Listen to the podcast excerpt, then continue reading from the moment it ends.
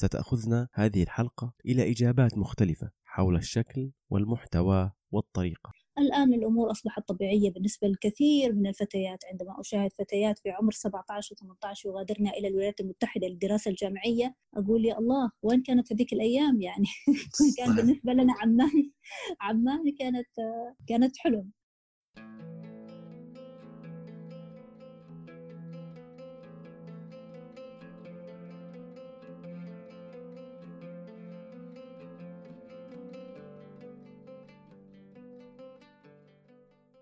أعزائي أنتم تستمعون إلى بودكاست ماذا بعد؟ أهلا بكم. نتمنى منكم الاستمرار بمتابعتنا في جميع المنصات وتطبيقات البودكاست التي تفضلونها ومراسلتنا على البريد الإلكتروني أو على صفحاتنا في مواقع التواصل الاجتماعي الموجودة في وصف الحلقة.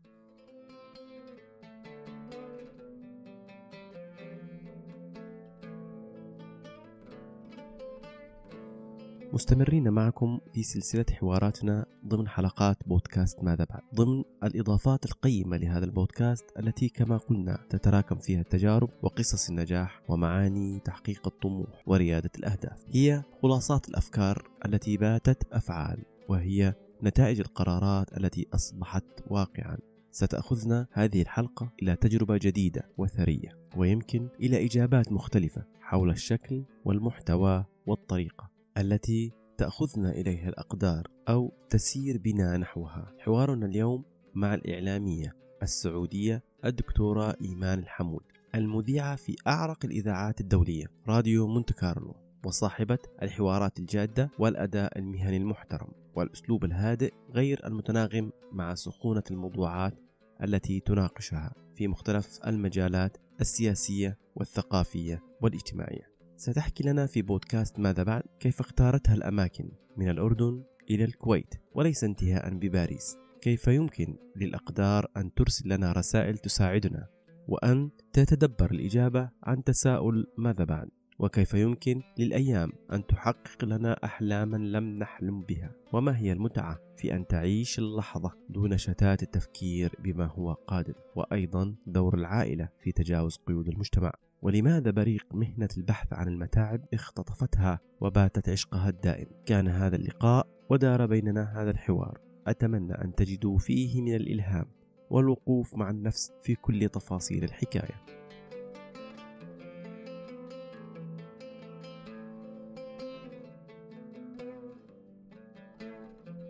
هل أنت ممن دائما يسأل نفسه ماذا بعد؟ أحيانا. ليس دائما. آه، لأني أشعر بأن كل شيء مكتوب. يعني عندي إيمان كبير بالقدر وأنه آه، الأمور دائما أنت آه، مسير وغير مخير. لا أحب أن أشغل نفسي بالسؤال ماذا بعد إلا عندما أصل إلى نقطة إلى مفترق طرق. يعني عندما أضطر لأسأل نفسي ماذا بعد.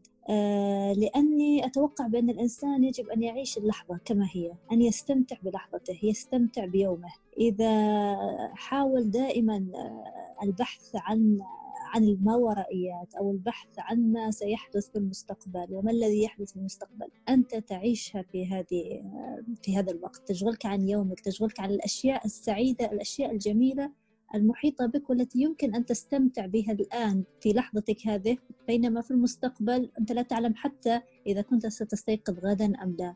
هذا لا يمنع من أن تفكر ماذا بعد أن تخطط ماذا بعد. آه، يعني سؤال يطرح يوميا على كل شخص لديه طموح كل شخص لديه حلم ولكن لا يجب أن يكون هو شغلنا الشاغل. أنا أخطط للمستقبل ولكن لا أشغل نفسي بالتخطيط. يعني أشعر بأنني منذ أن بدأت حياتي المهنية على سبيل المثال لم أختر ما, ما وجدت نفسي عليه. أنا فعلا وضعت على الطريق في كل مرة. يعني عندما بدأت عملي في الكويت فعلا لم أخطط أن أذهب إلى الكويت. ذهبت بالصدفة. حصلت على الوظيفة هناك بالصدفة. آه، يعني عملت فترة سنة أو سنة ونصف وكنت سعيدة جدا. ثم آه، حصلت على بعثة للدراسة إلى فرنسا بالصدفة. صدقني لم أخطط أن أحصل على بعث وبالصدفة اختاروا لي فرنسا لأنه أنا على فكرة أنا كنت يعني أرغب في الذهاب إلى بريطانيا أو الولايات المتحدة. يعني حتى فرنسا لم أخترها لم أفكر فيها. هي من اختارتني إذا صح التعبير. حتى الإذاعة حتى في مونتي كارلو شعرت بأنني ذهبت إلى هناك للتدريب.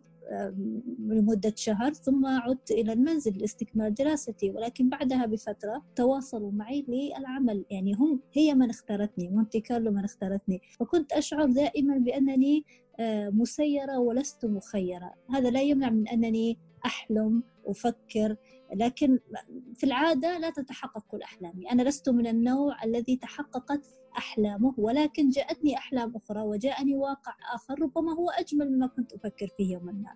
بالفعل ممكن تكون يعني الأقدار ساهمت يعني هذا نوع من التوفيق يعني. صحيح صحيح. الأقدار ساهمت وأيضا ورسمت لك رسمت لك طريقا لم تفكر فيه يوما ما. فإنك ستتعب كثيرا إذا فكرت دائما لماذا لم أحصل على الشيء الذي كنت أريده. تتعب كثيرا.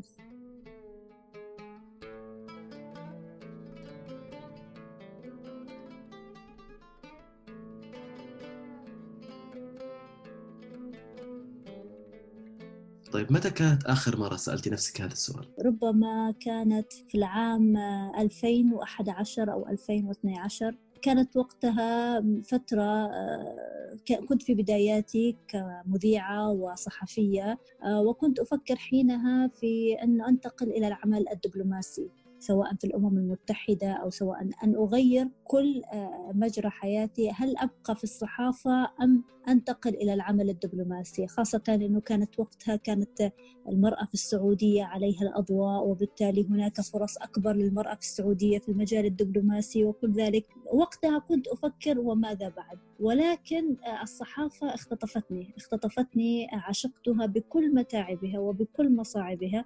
ولم أتمكن من أن أغير حياتي إلى وظيفة إدارية. حتى ربما حتى لو أن هذه الوظيفة الإدارية يمكن أن تعود آه، بعائد مادي أفضل ربما وربما تعود آه، بمنصب أفضل ولكن ليست فيها تلك المتعة التي شعرتها وأنا أعمل كصحفية وأنا أعمل على الأرض وأنا ذهبت إلى بعض البلدان التي آه، كان فيها الربيع العربي في تلك الفترة في مصر في ميدان التحرير. هذه الأشياء التي شاهدتها هذا الواقع الذي عشته قربي من الناس حديثي مع الناس استماعي لهم لآلامهم لأحلامهم. شعرت بأنني في لحظة من اللحظات لو أني جلست في مكتب خلف الأوراق وخلف كمبيوتر سأنقطع عن كل ذلك وسأكون يعني لا يعني لن أكون كما كما عهدتني لم لن أكون الفتاة التي آه، عرفت شغف الصحافة يوما ما. بعدها ربما لم أسأل نفسي بهذه آه، القوة ماذا بعد. هل تعتقدي أنه أي آه، فتاة يمكن أن تفرض عليه المجتمع الذي يعيش فيه يمكن أن يفرض عليه قيود على حريته في اتخاذ الخطوة التالية وإجابته على ماذا بعد؟ طبعا. هذا خاصة في مجتمعاتنا العربية. وأنا من الناس ممن يعني يعني حدث معي ذلك بالضبط بحذافيره. أنا كثير من الأمور كنت تأخرت في الحصول عليها بسبب ضغوط المجتمع. يعني أنا أتذكر بأني آه، درست في عمان في البداية. درست البكالوريوس في جامعة الصحافة لأنه في السعودية لم يكن هناك صحافة للفتيات. آه، استغرقني الوقت عام كامل حتى أقنع والدي بالسفر إلى إلى الأردن والدراسة هناك. هل تتخيل بأنه كان في ذلك الوقت من الصعب على فتاة أن تذهب إلى بلد آخر للدراسة؟ وتدرس ماذا؟ الصحافة. ماذا يعني صحافة في ذلك الوقت؟ ماذا ستفعل ابنتك بعد الصحافة؟ أين ستعمل؟ ما هي شهادتها بعد الصحافة؟ في, في هذا الكلام في عام 99 2000 يعني ليس ليس كلام ليس في الثمانينات ولا في السبعينات تخيل. صحيح. فالمجتمع يعني ساهم في إنه في إنه فعلا أتأخر على الدراسة سمستر كامل أو ربما عام كامل حتى التحقت بالدراسة في الجامعة مثل أقراني الذين بدأوا الدراسة قبلي. بعد الثانوية العامة. ونفس الكلام حدث عندما ذهبت إلى الكويت ونفس الكلام حدث عندما قررت الذهاب إلى فرنسا ولكن كان الوضع أفضل لأنه العائلة عائلتي قد اعتادت على على سفري واعتادت على وجودي في في بلد آخر ودراستي. يعني أصبح الموضوع أسهل بالنسبة لهم مواجهة المجتمع ومواجهة الناس. الآن الأمور أصبحت طبيعية بالنسبة للكثير من الفتيات. عندما أشاهد فتيات في عمر 17 و18 يغادرن إلى الولايات المتحدة للدراسة الجامعية أقول يا الله وين كانت في ذيك الأيام؟ يعني كان بالنسبة لنا عمان؟ عمان كانت كانت حلم.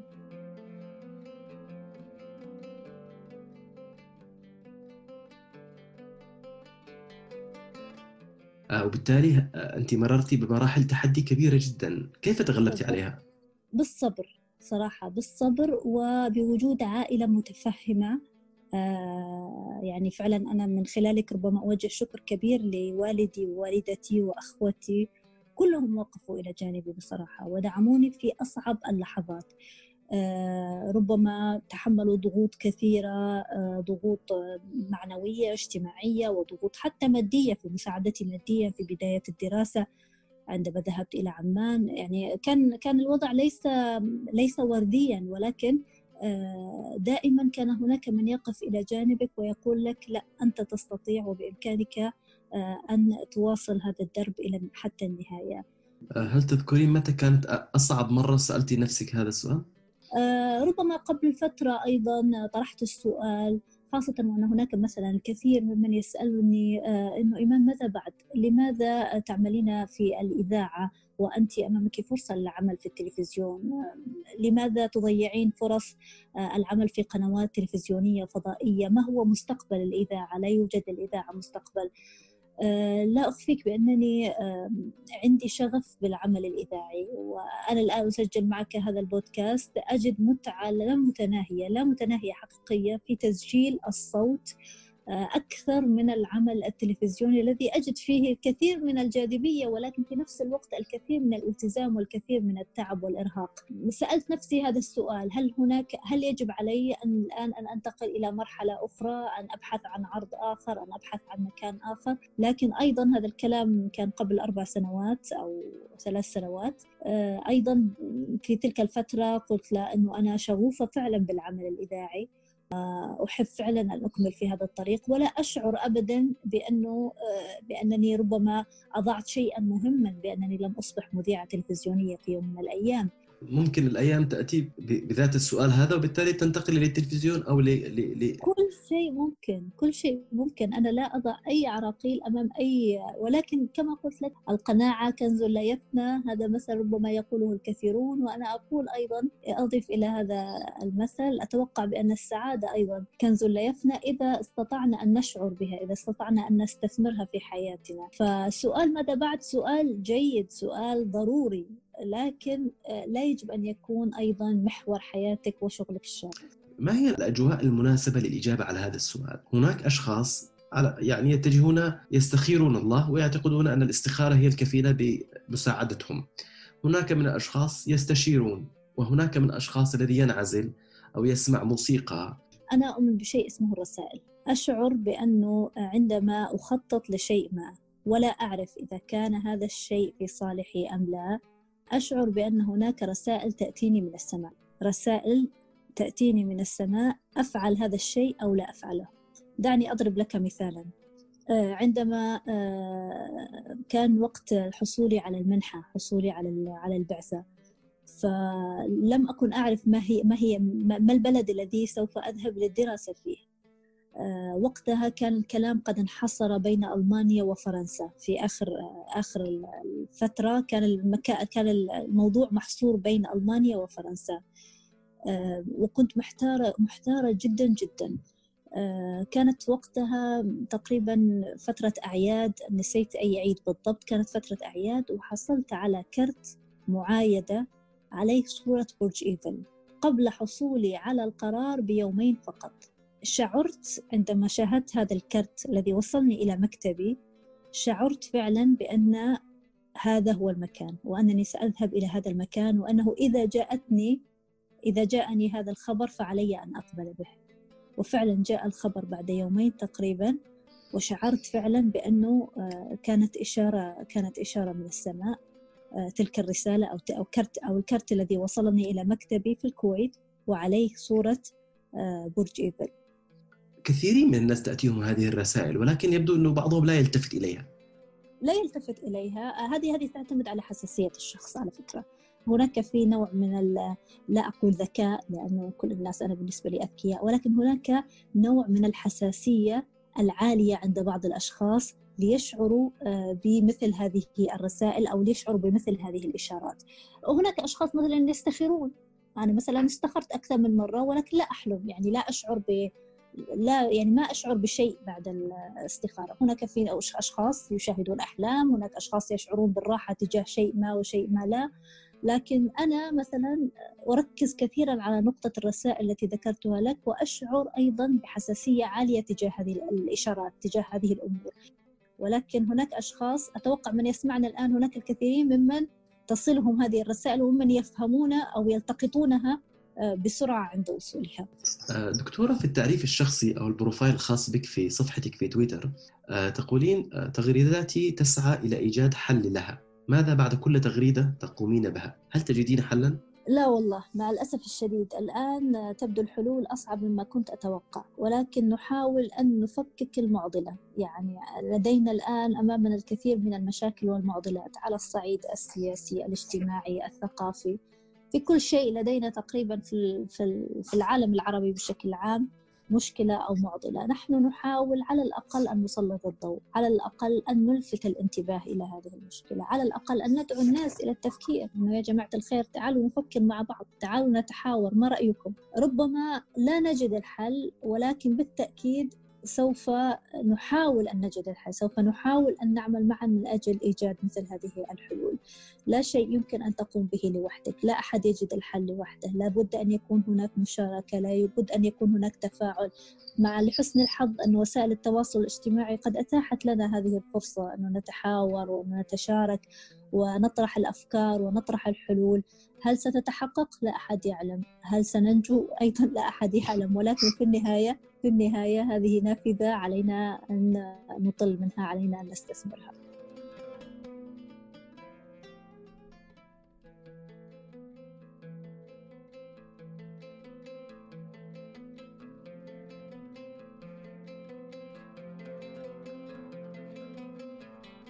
يعني ماذا بعد أي نجاح تقومين به؟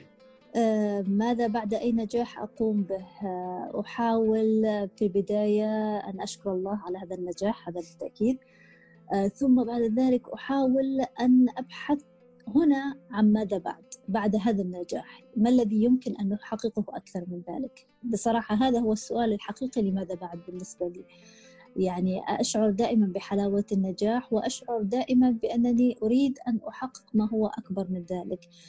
الحمد لله يعني إلى حد الآن آه، أحقق نجاحات لا بأس بها سواء على الصعيد المهني سواء على الصعيد الشخصي.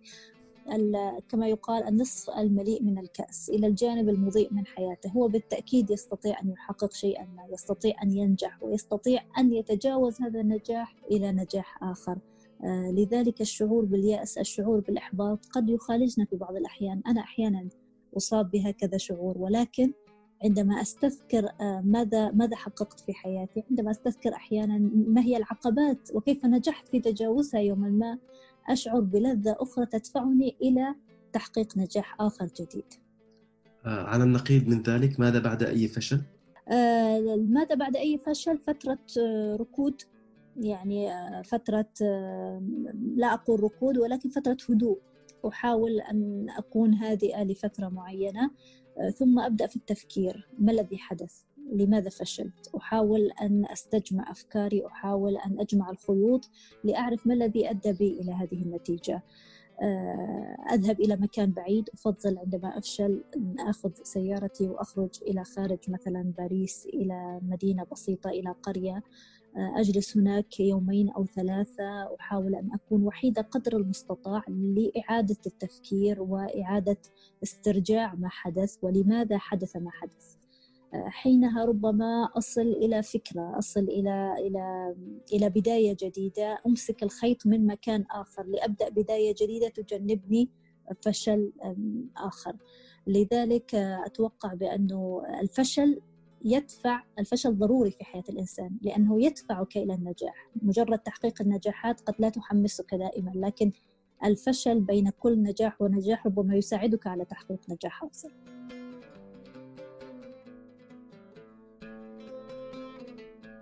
كان في حوارنا هذا.